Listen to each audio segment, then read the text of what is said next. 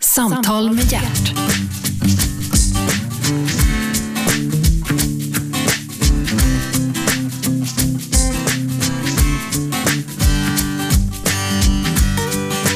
God morgon och hjärtligt välkomna till Radio 1, Pratradiokanalen. Du lyssnar på programmet Äntligen och äntligen är... Re- Rebell. Rebell. Rebell-Robban här. Välkommen! Tack, tack. Rätta till micken där så att du f- får den. Hallå, hallå. Där är du ja. Re- Rebell-Robban. Stockholmsprofil. Alla har väl sett dig spela i tunnelbanan och ute på stadens gator och torg, förmodar jag. Ja, det verkar som det, ja. Ja. Eh, Du ser ut precis som när du börjar Robban. Ja, Skägget, hatten, kroppsbyggnaden, lite punkiga armband.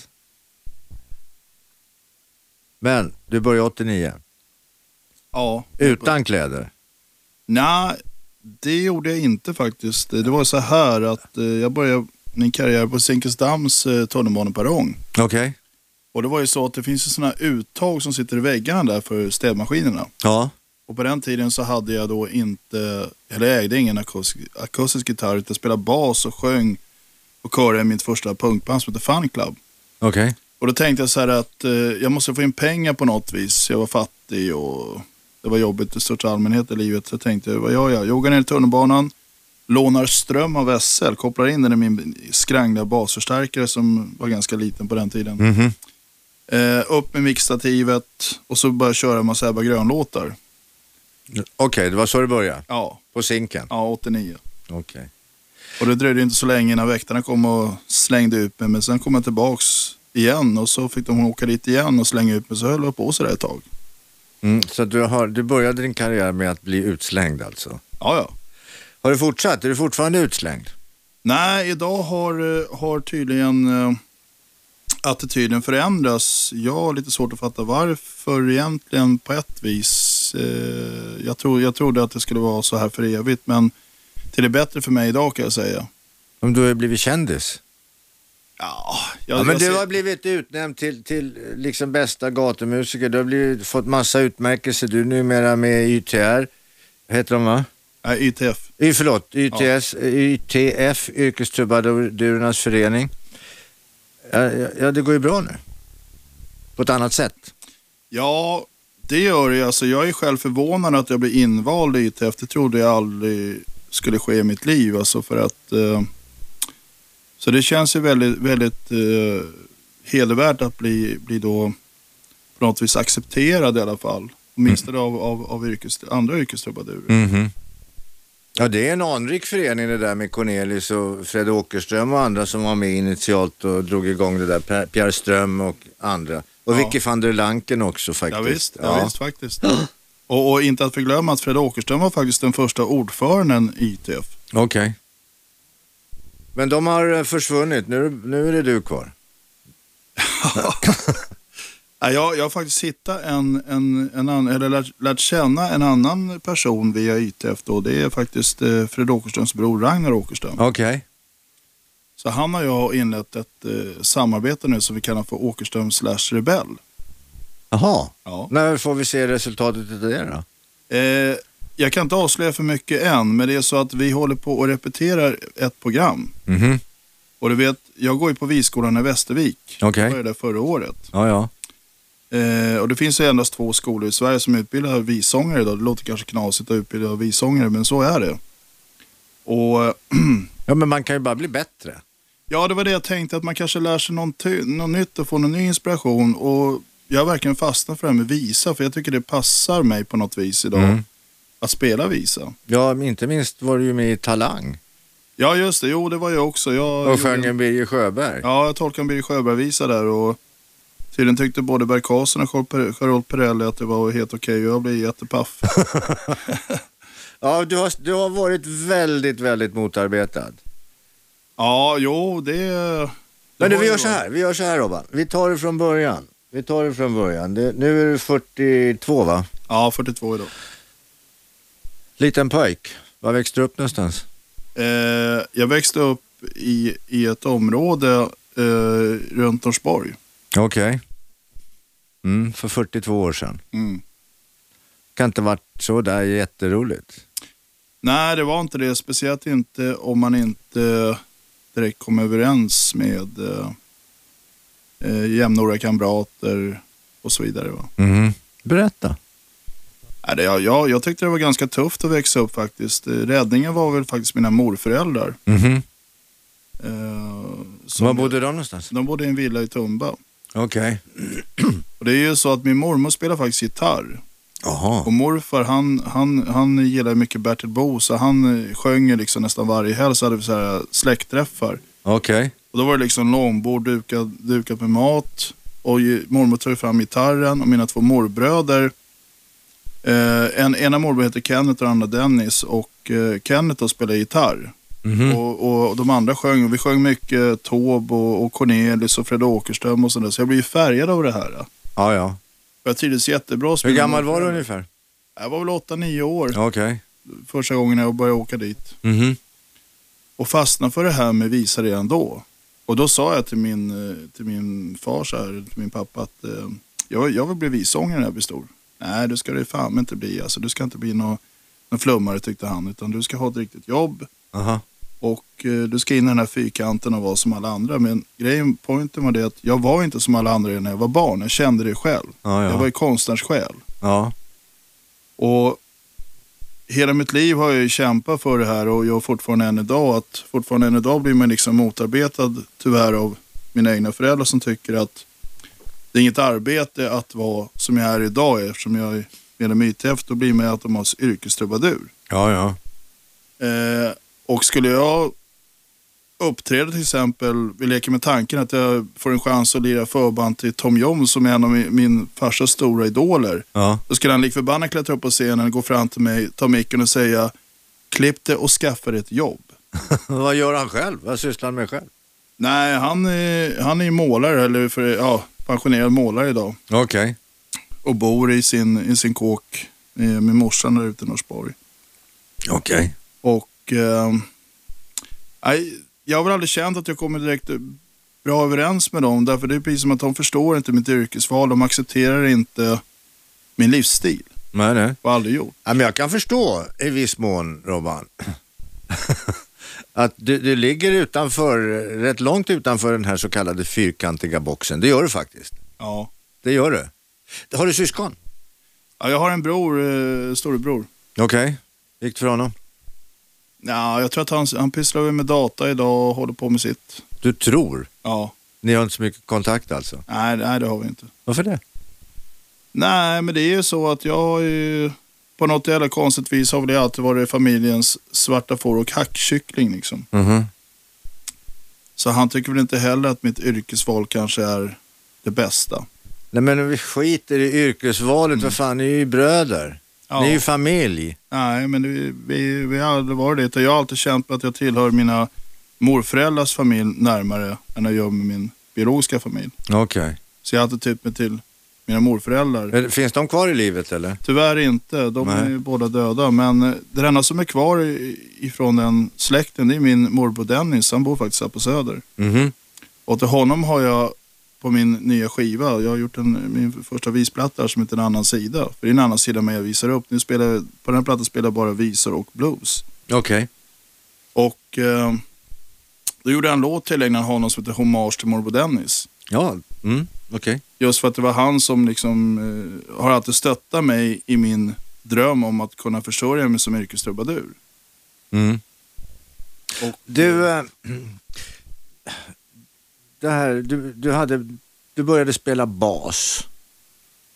Men du, det, är väl, är, det är väl inget instrument egentligen som man går omkring och spelar ute på gator och torg sådär själv och sjunger till? Det blir ju lite, lite konstigt. Det är ju inte egentligen något instrument man ackompanjerar sig med om du förstår vad jag menar. Nej, nej.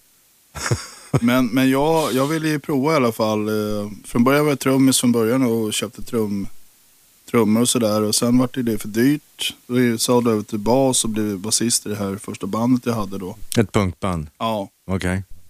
körde mycket Ramones och The Clash och allt det där. Mm, ja, det är Inte klart. så svåra grejer att köra liksom. Nej, nej. Mer bara kul. Ja. Men blev det några pengar? Nej, inte just då blev det inte så mycket pengar utan det var mer för att eh, Så mor och far hade rätt på ett sätt? Ja, rätt och rätt, men jag tycker att man, man, man kan inte bara ge upp. Nej, det är inte det jag säger, Nej. men jag förstår att de ville att det skulle gå bra för dig och att du skulle ha ett jobb så att du kunde försörja dig. Och sen såg de att, "Ah, fan, det här funkar ju inte Robban. Mm. Men du, du höll dig kvar vid din dröm. Ja, alltså jag har ju provat att och, och jobba med så kallade vanliga jobb. Jag har ju jobbat mycket som städare. Bland annat på, så- på, eh, på, så jobbar jag på lite olika ställen runt stan, så där, kontorsstädning och eh, mm jag har varit vaktmästare eh, på vissa ställen och sådär. Men, eh, Men kan man inte vara det på deltid då? ja, nej, men jag trivdes aldrig. Okej. Jag Ja. kände, jag kände att det var någonting som fattades i mitt liv. och Ja, men det var väl skönt när lönen kom den 25. Jo, men frågan är, var jag lyckligare för det? Ja, alltså det, det, ja, det kan du ju bara svara på själv, men det är ju skönt när man kan betala hyran, man kan köpa mat, man kan köpa kläder, tandkräm och lite sådana där liksom vanliga grejer. Jo, jo, absolut. Ekonomin är viktig självklart, men, men jag tycker att jag hade ändå kvar min dröm. Även fast jag jobbade, jag har jobbat med, med vanliga jobb tidigare När- och när jag jobbade då åtta timmar så åkte jag lik förbaskat in och spelade på helgerna. Ja, ja. För Jag kunde aldrig släppa min dröm om att en dag ska kunna försörja mig som, som yrkestrubadur eller Som Ja. musiker. ja, som musiker, som artist. Det har alltid varit min dröm. Va? Mm. Och eh, idag så är jag lite på väg dit faktiskt. Mycket tack vare att jag gick i vi-skolan och fick lite ko- kanaler via dem Ja. till att göra den här skivan, till att ha projektet Åkerström Rebell, Åkerström slash Rebell och så vidare. Så att jag menar det är... Ändå är det lite positiva grejer på gång. Du, eh, men, men ändå, du, du har hållit på sedan 89, du har epitetet bakom Rebell-Robban, alltid på turné Ja, just i princip. Ja, Turnéerna behöver inte vara så långa, det räcker att du hamnar ner på Slussens tunnelbanestation och lirar. precis. Men du har alltid gitarren med dig. Ja, alltså tanken var ju den och va- varför jag jobbade så hårt i- och valde just tunnelbanan. Det, det, det blev så naturligt eftersom jag började på Zinkensdamm. Och sen sa trummisen i det här bandet jag spelade i då, eh, kan du inte låna min akustiska gitarr och lära dig spela gitarr? Det är lättare för dig att transportera. Då gjorde jag det och lånade hans skura ett tag. Sen när jag fick in pengar då köpte jag min första riktiga gitarr. Eh, och spelade på den och sen har det bara blivit så att man var kvar i tunnelbanan för jag tyckte att, jag tänkte så här att alla måste ju åka någonstans i Stockholm. Ja. Och när de kommer ner på perrongen, då står jag där. Mm. Så oavsett om man gillar det jag gör eller inte, Då drabbas man av det. ja, så finns jag där ändå. Men en bra tanke. Äntligen! Samtal med hjärt.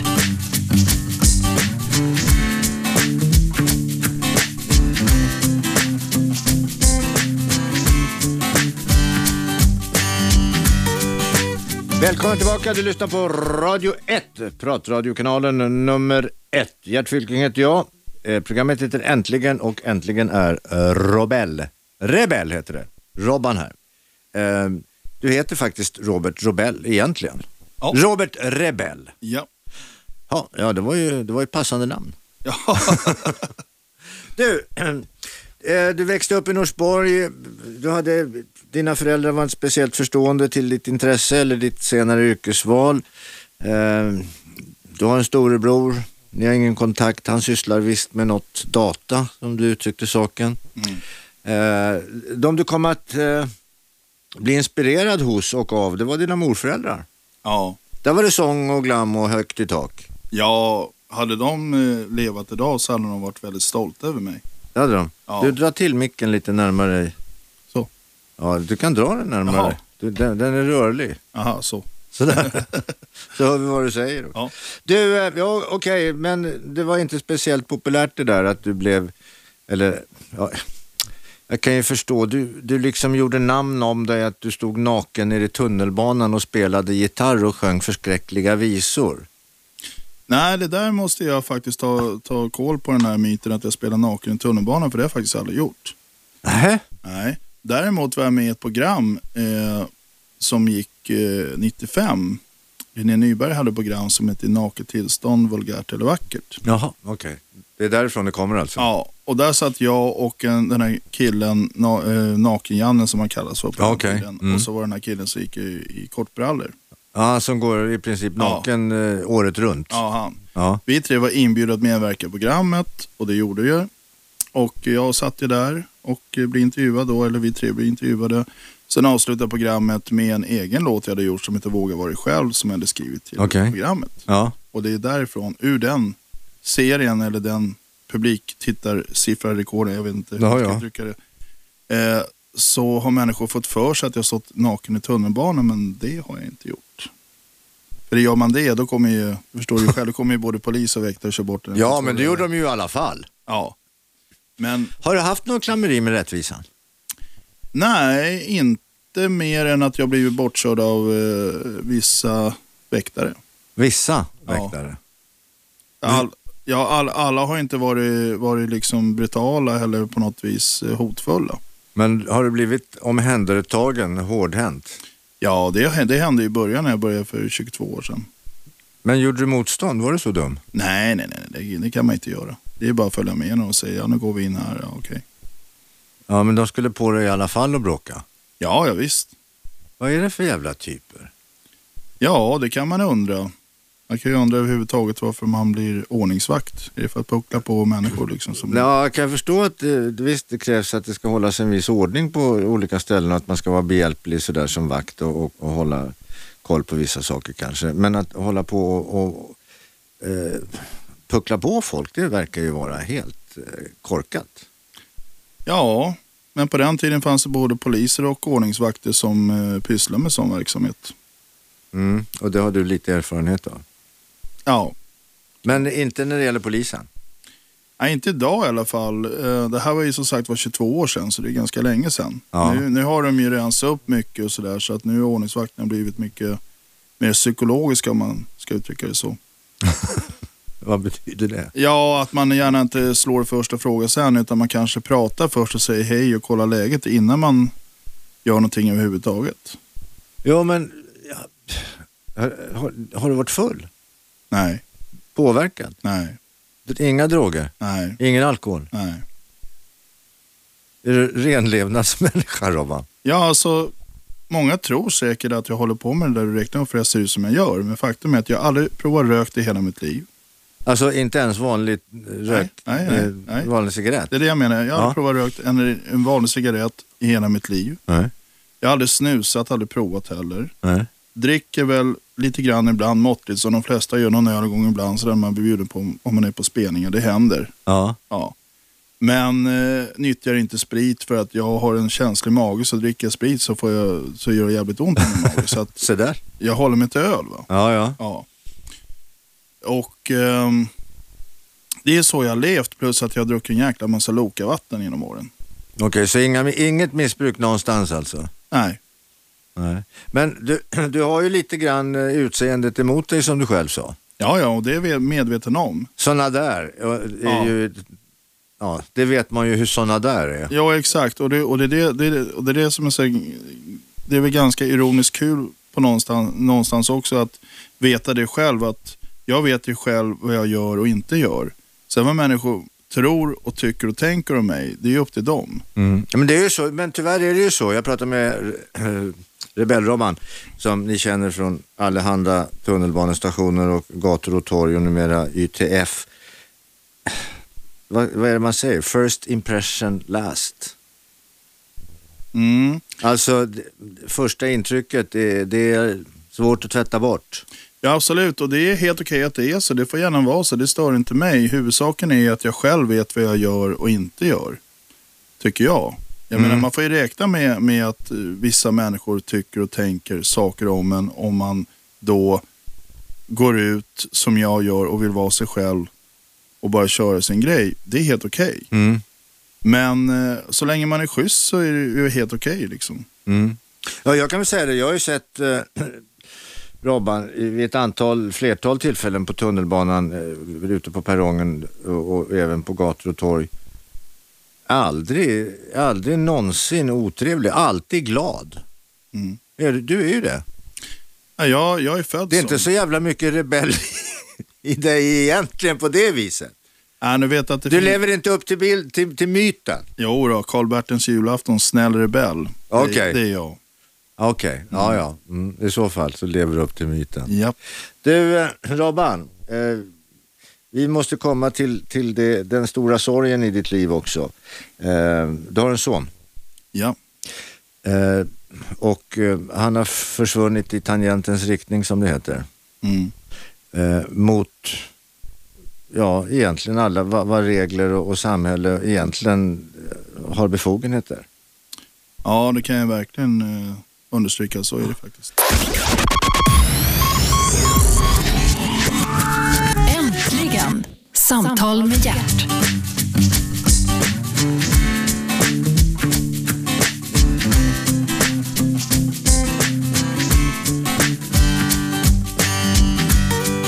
Välkommen dags, du lyssnar på Radio 1, pratradiokanalen nummer 1. Programmet heter Äntligen, Gert Fylking heter jag och äntligen är Rebell-Robban här. Rebell-Robban, eh, känd trubadur ifrån allehanda håll och kanter för alla stockholmare. Eh, blivit uppmärksammad i tv, i olika tv-program, inte minst Talang. Eh, du har fått utmärkelser, tidningen City, har jag för mig. Du, fick, du har blivit bästa trubadur och sådär. Det- Alltså du har ju, har ju rullat på, varit positiva omnämnanden. Mm. Mm. Du är glad? Ja, alltså rent, eh, om man nu får kalla det för karriärsmässigt då, så har det ju gått eh, förvånansvärt bra. Och, eh, men det är bara för att jag, hade jag inte haft musiken och lägga min energi och kraft och, och liksom mina känslor på den, då hade jag nog inte heller klivit in i den här artistvärlden. För det, det krävs ju väldigt mycket av en, speciellt när man spelar, eh, när man är trubadur, det är ett eh, ensamyrke så man spelar mycket själv ibland. Va? Men Jag tycker det passar mig, jag trivs med det. Och, men sen är det kul också att spela med andra naturligtvis. Men, men eh, Är du ute någonting i landet och kör? ja, hör och häpna, det här är så jäkla konstigt. Jaha, Det här är ju sjukt, okej. så jag måste berätta för dig. Jag, tror- jag tror inte det själv är sant, men det var sant. Det var så här. eh. Jag blev uppringd av, av Ingrid Homan på Viskolan i Västervik, alltså vår fröken. Okej. Hon säger så här, jag pratade med Hans Schwarz, alltså vicegeneralen i- nere i Västervik. Mhm. Du Vet, han har ju haft den här festivalen sedan sedan 66 och framåt. Ja, ja. Ja, och så säger Ing- Ingrid så här att ja, eh, han vill att du hör, du hör av dig till honom. Så jag, jaha, säger jag jätteförvånat. Okej, så jag ringer upp honom och säger så här, hörru du, några nä- nära vänner till mig har sett eh, dig på det här programmet Talang och tyckte du var bra. Nu undrar jag, har du lust att öppna Visfestivalen i år? Oj då. Ja tack, säger jag. Ja, det är klart. Ja. Och på denna visfestival så var det en, en 14 juli i år. Mm. Det är från, från den 14 till den 16 nu, nästan varje år. Då kliver jag upp på scenen, har med mig, eh, de delar ut ett pris varje år på Visfestivalen Okej. i Västervik. Som är Fred Åkerströms eh, vispris. Mm. Och det vann en, eh, en tjej som heter Sanna Karlstedt eh, förra året. Aha. Hon, är rätt så, hon, hon har hållit på väldigt länge också, spelat och sjungit och sådär. Mm. Jag tar upp henne på bas och kör. Och jag kör. Vi kör två låtar från min platta, nya platta. Okej. Sen bjuder jag in Ragnar Åkerström på den tredje låten och kör en låt som hans bror spelade in som heter Sjukbesök, en Ruben Nilsson-visa. Okej.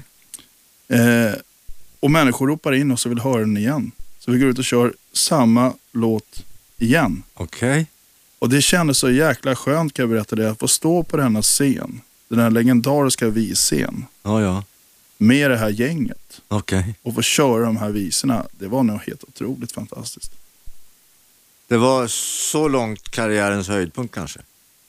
Ja, alltså det kändes ju overkligt att verkligen få stå där själv. Eh, Men alltså jag, jag stod där en gång tidigare. Då var det Sanna Karlstedt 2008 som bjöd in mig till hennes eh, tid hon hade där och sjöng en låt ihop med henne som hon har gjort. Men att få stå där sen själv nästan på år senare och Mm. ha sin egen lilla show På på tv. begäran ifrån självaste generalen? Ja, det tyckte jag var så jäkla häftigt alltså. Du, Robban. Du har en son. Ja, Hur gammal? tio år. Tio år idag. Mm. Det har inte varit och är inte helt lätt. Nej, det är en eh, förkrossande historia. Vi Tyvärr. tar det från början. Eh, Du träffade en tjej. Ja, Eh, Vi får förmoda att eh, kärlek uppstod. ja. Eh, Det var en, eh, en tjej som kom ur lite komplicerade för familjeförhållanden. Kan man väl säga. Ja, som jag fick reda på vid lite senare tillfälle att eh, du vet, man, man lär känna varandra och sen pratar man bakgrunder och var man kommer ifrån. Att det kommer ju fram vad man Ja. har för bakgrunder och sådär. Mm. Och hon kom ur ganska otrygga förhållanden. Ja, ungefär som jag också, fast på ett annat sätt. Då. Ja. Eh, vi ska inte prata om henne, hon är inte här mer. Men eh, hon blev gravid och ni fick en son. Mm. Hur var första tiden? Ja, den var ju, jag var ju lyckligaste mannen på jorden. Alltså, jag, jag såg när han kom ut på Södersjukhuset, han är ju född på Sösar. Liksom. Ja. Jag är jättestolt över det. Det är ju grann, grannhuset där. Japp. Ja. Och jag såg när han kom ut, jag var 2001, jag såg när han kom ut, jag var med hela händelseförloppet. Jag fick klippa av navelsträngen. Jag var den som fick den första kontakten för att de var så trötta efter förlossningen, det förstår jag. Ja, Jag fick hålla honom så här, tvätta, av, tvätta han på magen och sådär och höll han så här 4 och 9, stolt far. Han vägde 4 och 9. Ja. Jag kan förstå att hon var trött. Ja, Du, eh, det var alltså 10 år sedan. ja. Och sen, sen så åkte ni hem. Sen åkte vi hem och eh, som man gör som förstagångsförälder då, man, man är ju med sitt barn Ja. det första året. Mm. Och då spelade inte jag någonting utan då, det var första gången i mitt liv som jag faktiskt eh, behövde gå på socialbidrag det första året för att vara med min son så mycket som möjligt Okej. första året. Mm. Annars skulle jag inte ha kunna greja det var ekonomiskt. Ja, nej. Så båda vi gick ju på SOS-bidrag just då, den perioden. Men eh, sen när han eh, skulle börja på dagis, det var då det började med vissa anmälningar mot oss. Att han, han, han kom till dagis påstod de med skitiga kläder och han luktade illa. Så, så här små grejer som, det existerar inte, det här är inte sant. Men det, det var de radade upp. Mhm. Och sen så, eh, ja, så skickade då föreståndarinnan på dagiset då in en anmälan till SOS och du vet ju hur SOS funkar, de börjar genast rota i grejerna. Ja, men det är ju bra att de gör Ja, det. ja, ja, ja absolut. Mm. Men de kom hem och gjorde hembesök och, så här, och konsta- och konstaterade på väldigt svaga grunder, jag har pappret hemma, vilka de här punkterna de har radat upp. Det finns ingen punkt de nämner överhuvudtaget i det här pappret som är ett skäl för att tvångsomhänderta ett barn. Vad var det de klagade på? Ja, det var till exempel att mitt hem var torftigt. Då ska man komma ihåg, det här var alltså, du gjorde ett hembesök, tju- vi var ihop då, så min son föddes 2001, 2003 separerade vi, jag och mamman. Mm. Vad va, va, vad menar de med torftigt?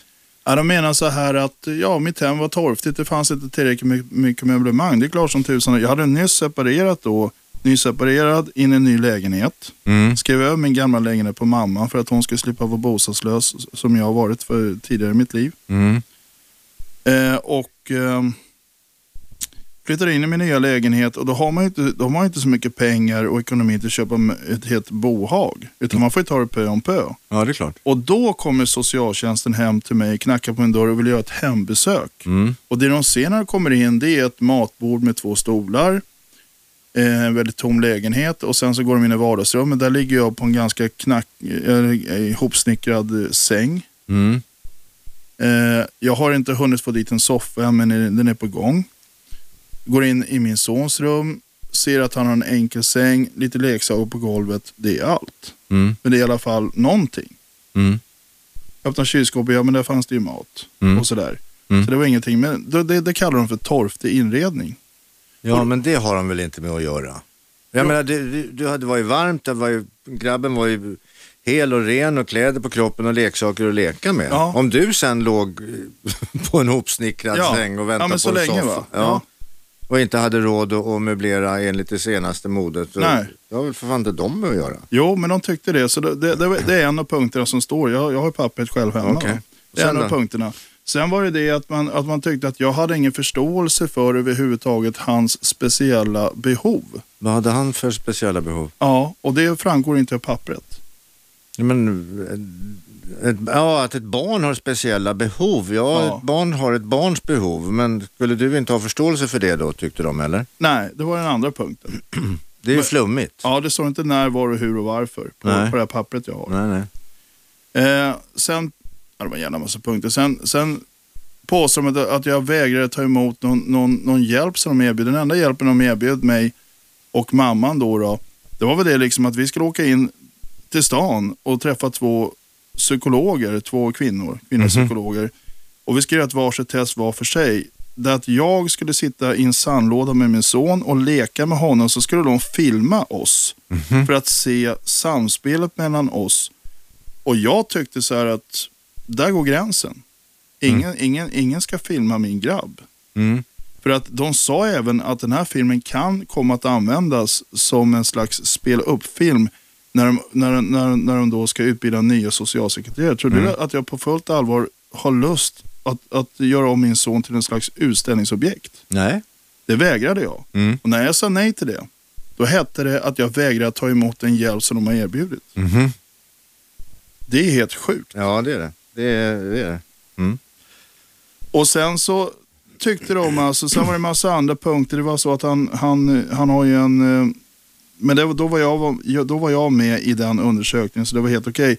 Det är så att han har ju, han käkar någonting som heter Levaxin och det är, det är alltså en, en eh, enzym som fattas i sköldkörteln. Det är det som gör att man kan smälta maten. Okej. Och det var han tvungen att börja käka. Men det var helt okej för då var jag med själv på SÖS och träffade läkare och undersökte honom. Då kom, han, då kom, då kom de på det att aha, här står inte rätt till. Okej. Så det är en sak. Ja. Men då skyller de på att jag inte skulle kunna dosera hans medicin rätt. Jaha. Men det står ju på burken hur man medicinerar. Hur svårt kan det vara? Jag har inte glasögon än. Nej, nej. Jag har inte närsynt eller långsynt. Jag ser jättebra. Ja. Jag ser precis vad det står. Ja, står det en tablett om dagen eller står det en dos om dagen så är det ju en dos om dagen eller vad det nu står. ja. Det är ju och då, inga konstigheter. Och då skyller de på att, att föräldrarna, alltså både jag och mamman, Mm. Då ska man komma ihåg, den här tiden när den här lappen kommer upp, då är vi separerade. Vi bor inte ihop, vi är inte ett par. Nej, nej. Men de ändå, ändå lik förbannat så trilskar de s- som är att vi är föräldrarna. Att vi, de behandlar oss precis som att vi fortfarande bor ihop, Ja, ja. fast vi inte gör det. Men det är ju föräldrarna, det är ni ju. Jo, jo, Per föräldrar- definition är det det. Ja. Ja. men ni bor inte ihop i alla fall. Nej, men de, de, alltså, i, i, i deras formulering av deras skrifter så uttrycker sig så precis som att vi fortfarande bor ihop, fast vi är, inte gör det. Ja, ja. Jag är, vi har ju skilda liv, även fast vi har grabben ihop, det kommer vi alltid ha. Och det, det är så det ska vara självklart. Men de beskriver hela tiden att föräldrarna brister i omsorgen Men var av... bodde, var bodde grabben under tiden? Var bodde han? Delad, ni- hade ni delad vårdnad eller hur? Vi har alltid haft delad vårdnad. Okej, det var 50-50. på- Ja, ja. Okej. Mm. Så det var så att jag hade hand om honom ungefär tre dagar i veckan. Hon hade honom, honom också tre dagar i veckan. Sen delade vi på en, en, en dag där vi skulle vara ihop med honom hade vi tänkt. Okej, Det kan vara en bra grej. ja jättebra. Och jag menar, jag hade ju då haft turen att få tag på en lägenhet som vi bor ju på samma gata hon och jag. Hon, det är ju bara en 250 meter mellan oss. Mhm. Så att vår grabb ska känna att där bor pappa, där bor mamma, han är nära till dagis, där är förskolan, han ska börja i höst. Mm. Allt var planerat och klart. Mm. Då klubbas det igenom då, då på de här punkterna. Det är massa andra punkter också som, som, som finns med. Det är väl 8-10 punkter. Här, va? Eh, då klubbas det igenom att man ska ta vår son ifrån oss. För att vi brister i omsorgen av vår son. Och, och det finns risk att han, att han inte mår bra hos någon av oss. De har gjort hembesök hos mamman också och hembesök hos mig. Och de tycker att ingen av oss är dugliga eller lämpliga som föräldrar. Eh, då, jag har ju studerat LVU-lagen, Mm. så även min advokat. Eh, och min advokat Ulf Garner, han, han säger det också att Lagen om vård av u- unga. Unga, ja, just exakt. det. Ja. Han, han, han, har- han tycker också precis som jag att det här är så sjukt. Alltså, LVU ska ju bara, bara vara i i yttersta fall, liksom ifall någon av föräldrarna eller båda föräldrarna kanske är, är psy- så psykiskt sjuka att man inte kan ta hand om sig själv. Mm. Eller att, om man, är så, eller om man har kraftigt missbruk som man inte kan ta hand om sig själv, alkoholismen eller vad som helst. Mm. Men i mitt fall finns inget sånt. Det har aldrig funnits. Någonsin. Äntligen! Samtal med hjärt.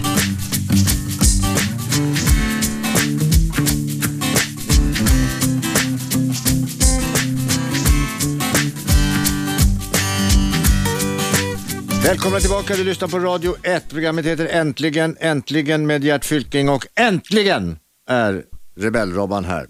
Robban, du är känd för många stockholmare ifrån tunnelbanan. Du har stått och spelat och förnöjt många förskräckt. många kanske.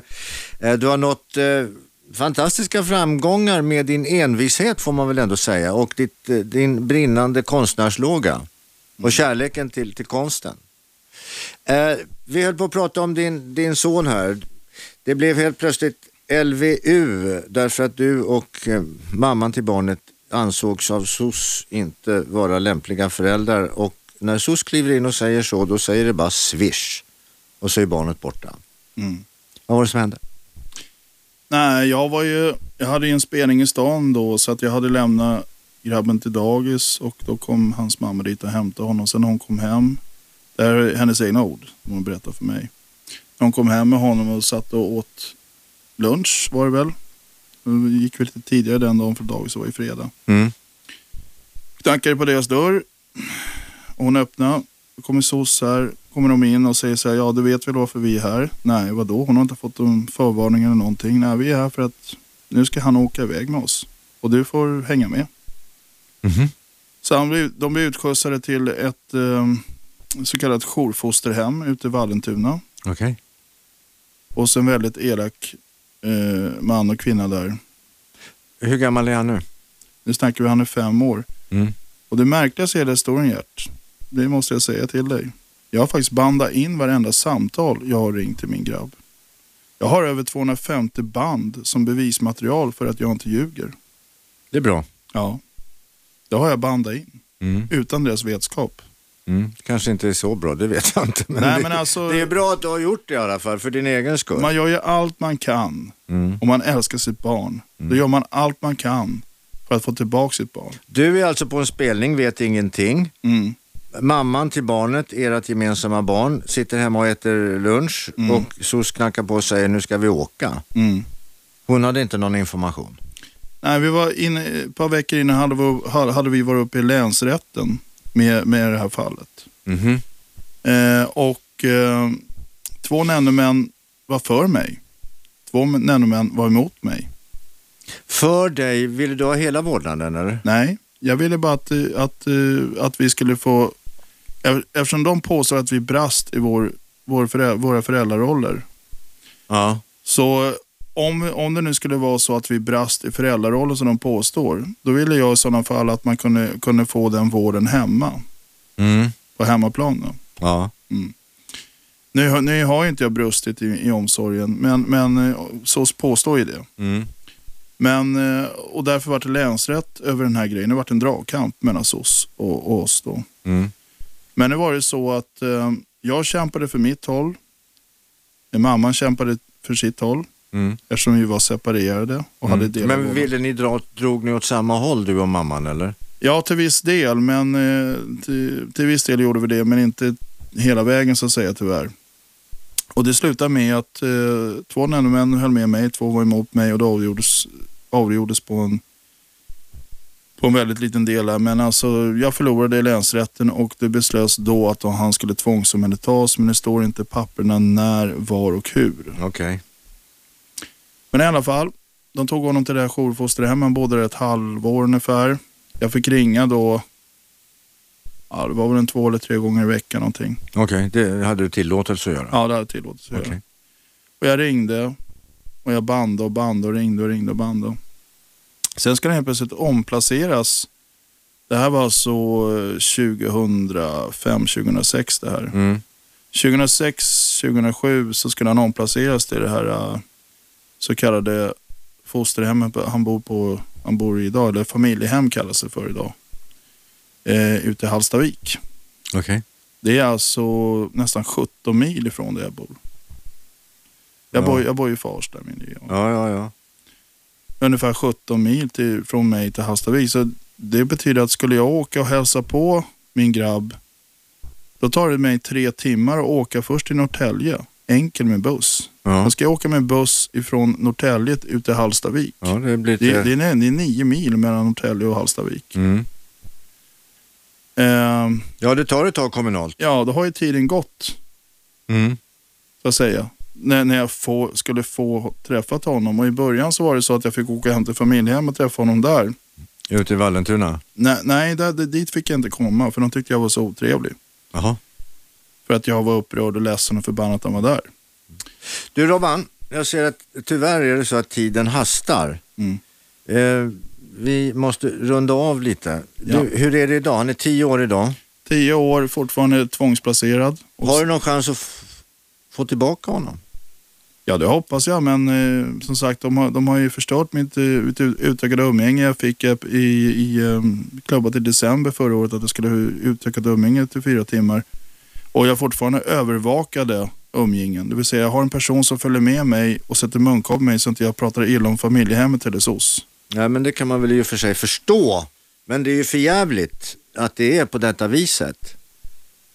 Ja, fast jag... jag, Jag, alltså jag, jag, jag, jag lider med det, det ska du veta. För jag tycker att det är otroligt att man kan behandla en medmänniska eller två eller tre på detta viset som man har gjort i ditt fall. Eh, hur är din relation till din son? ja, den, är, den, den finns ju knappt för att eh, det verkar som att SOS eh, inte vill att jag ska ha någon, någon form av kontakt. Men när du pratar med honom? Ja, han är ju ledsen och han, han mår ju dåligt och han säger att han vill hem till mig. Mm. Men han får inte och, och jag, jag trodde att vi hade yttrandefrihet i det här landet. Men enligt SOS då så har man inte det. Så, socialtjänsten i Farsta, alltså de, de, de tycker att det finns ingen yttrandefrihet i det här landet. Utan, utan man, ska, man ska övervaka vad jag säger, tycker och tänker. Det är helt sjukt. Tack så hemskt mycket eh, för det här samtalet eh, Robban. Vi kommer inte så mycket längre i det här. Jag hoppas att det här samtalet dock eh, i viss mån har hjälpt dig i din strävan att eh, få rättsida på det här minst sagt kriminella beteendet som jag ser det. Robban, Rebell Robban, tack för att du kom. Programmet heter Äntligen. Du har lyssnat på Radio 1. Vi, vi hörs som sagt imorgon. Tack Robert för att du kom hit. 101,9 Radio 1. Sveriges nya pratradio.